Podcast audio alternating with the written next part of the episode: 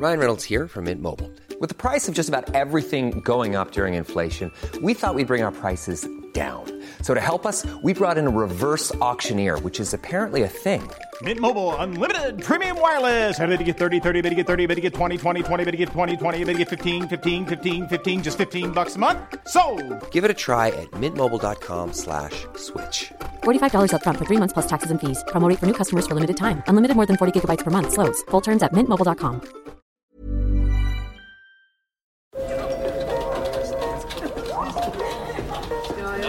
Dette er lyden av norsk næringsliv. Akkurat nå tas det små og store valg som kan bli avgjørende for fremtiden. Med økonomisystemet X-Leger tas disse beslutningene basert på informasjon i sanntid, slik at drømmer og ambisjoner kan bli virkelighet. Få kontroll og oversikt. Gå inn på xledger.no. Denne sendingen er sponset av Xleger.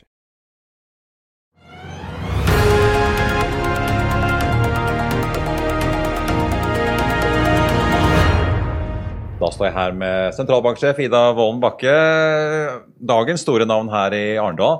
Før vi snakker om beslutningen, tenkte jeg å spørre, Dette er da andre året på rad hvor dere faktisk har rentebeslutningen her nede med pressekonferanse i Arendal. Hvorfor velger dere det? Nå er Arendal en flott eh, by, og det er mange mennesker her eh, under Arendalsuka. Vi ønsker jo å være åpne, både om beslutningene våre, men også om eh, begrunnelsene for det vi gjør. Eh, Og her får jo da også andre enn pressen mulighet til å stille spørsmål. Så det er for å avmystifisere litt grann kanskje hva som skjer. Ja, vi ønsker å være tilgjengelige og forklare beslutningene våre. Så da blir det kanskje rentemøte neste år. Neste år også. Eh, I fjor så kom det en dobbeltheving her som veldig mange syns var eh, ganske stort. For det skjer jo ikke hver gang på et eh, mellommøte. Ikke noe dobbeltheving i dag, men likevel fortsatt en renteøkning. Og dere er ganske tydelige på at det vil trolig også komme i eh, september. Ikke like kraftig dosering nå, men likevel. Rentetempoet strammes eh, fortsatt inn. Hva er det dere ser som gjør at det er behov for dette på et eh, mellommøte? Nei, Utgangspunktet er jo at vi har et oppdrag, og det er å sørge for eh, lav og stabil inflasjon. Eh, Og selv om konsumprisveksten har kommet litt ned, eh, så er den fortsatt for høy. Og det er utsikter til at den vil holde seg oppe en god stund fremover.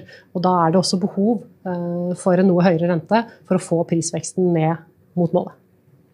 Jeg merket meg oppe, og dere skriver det jo i uttalelsen at, at presset i økonomien er i ferd med å avta.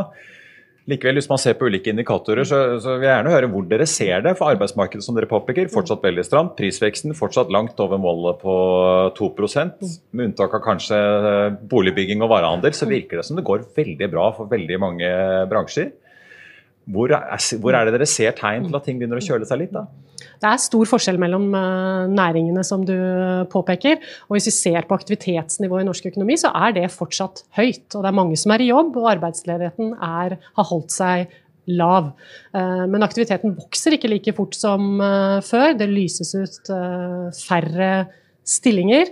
Eh, Og vi tror nå at renten eh, bidrar til å kjøle ned økonomien. Og vi ser det jo i, eh, i boligmarkedet også. Så vi tror at presset er i ferd med å avta, og at vi har konjunkturtoppen bak oss. Men aktivitetsnivået er fortsatt høyt. Og det virker jo som du tenker at, eller dere i Norges Bank tenker at husholdningene er ikke ferdig heller med å stramme inn, at folk kommer til å måtte stramme inn pengebruken fremover. Bl.a. for å få regnestykket til å gå opp, eller ende til å møtes, som du sa, oppe med boliglån som blir stadig dyrere. Ja, Forbruket har jo holdt seg eh, ganske godt oppe så langt. Og det har faktisk også vært litt høyere enn det vi eh, anslo gjennom sommeren enn det vi så for oss i, i eh, juni. Eh, noe av grunnen til at forbruket har kunnet holde seg oppe, er jo at mange sparte mer enn eh, vanlig eh, gjennom eh, pandemien. Så vi at sparingen avtok eh, markert mot slutten av eh, fjoråret. Og nå med eh, høyere renter og fortsatt høy prisvekst, så tror vi en, tid fremover at flere vil måtte stramme inn på forbruket. Ganske interessant. Jeg hadde Nordea Norge-sjefen eh, Randi Marama tidligere i uken som sa det at eh, de ser nå at folk sparer omtrent på samme nivå som i 2019. Man er liksom tilbake fra den boomen du snakker om. Må dere se at spareraten går til null før dere tenker at nå begynner dette virkelig å bite for norske husholdninger ordentlig? Vi har jo ikke noe mål for, for uh, spareraten uh, eller for, uh, for konsumet i så måte. Det vi har et mål om, er prisveksten. og det er den vi må se at går ned mot, mot målet. Det er det vi er opptatt av.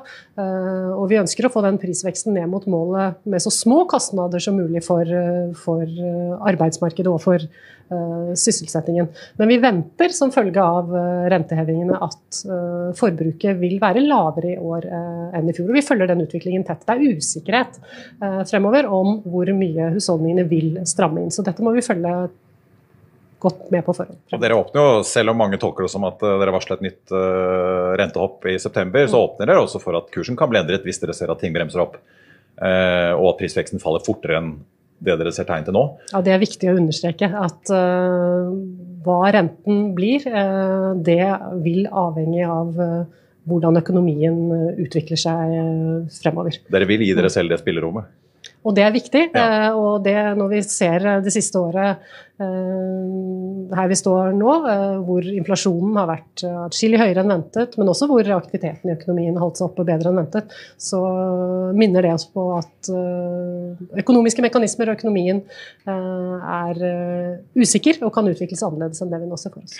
Til slutt vil jeg litt inn på den balansen som du implisitt her er inne på også, som du bruker en del tid på å snakke om. Hva som er et passe rentenivå som tar knekken på inflasjonen, men som ikke er så høyt at det går helt galt av sted og det på en måte knuser bremser all økonomisk aktivitet. Når er det dere kommer til det punktet hvor dere tenker at renten er høy nok til at man kan lene seg tilbake og se det virke i økonomien, som jo ikke skjer over natten, det tar mange måneder.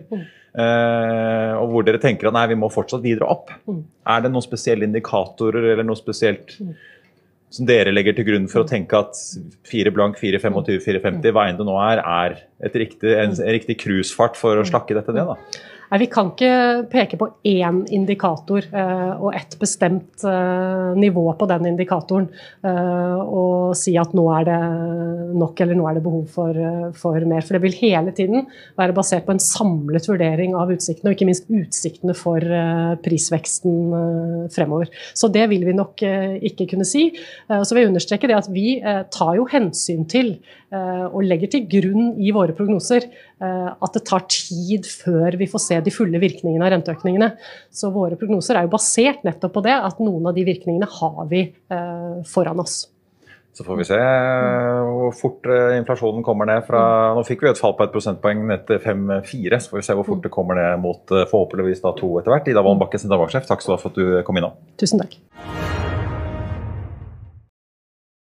Denne sendingen er sponset av Xleger. Økonominyhetene er en podkast og videoproduksjon fra Finansavisen. Programleder er Marius Lorentzen. Aksjekommentator er Karl Johan Molnes. Produsent er Bashar Johar. Podkast- og videoansvarlig er Marius Mørk Larsen. Og ansvarlig redaktør er Trygve Hegnar.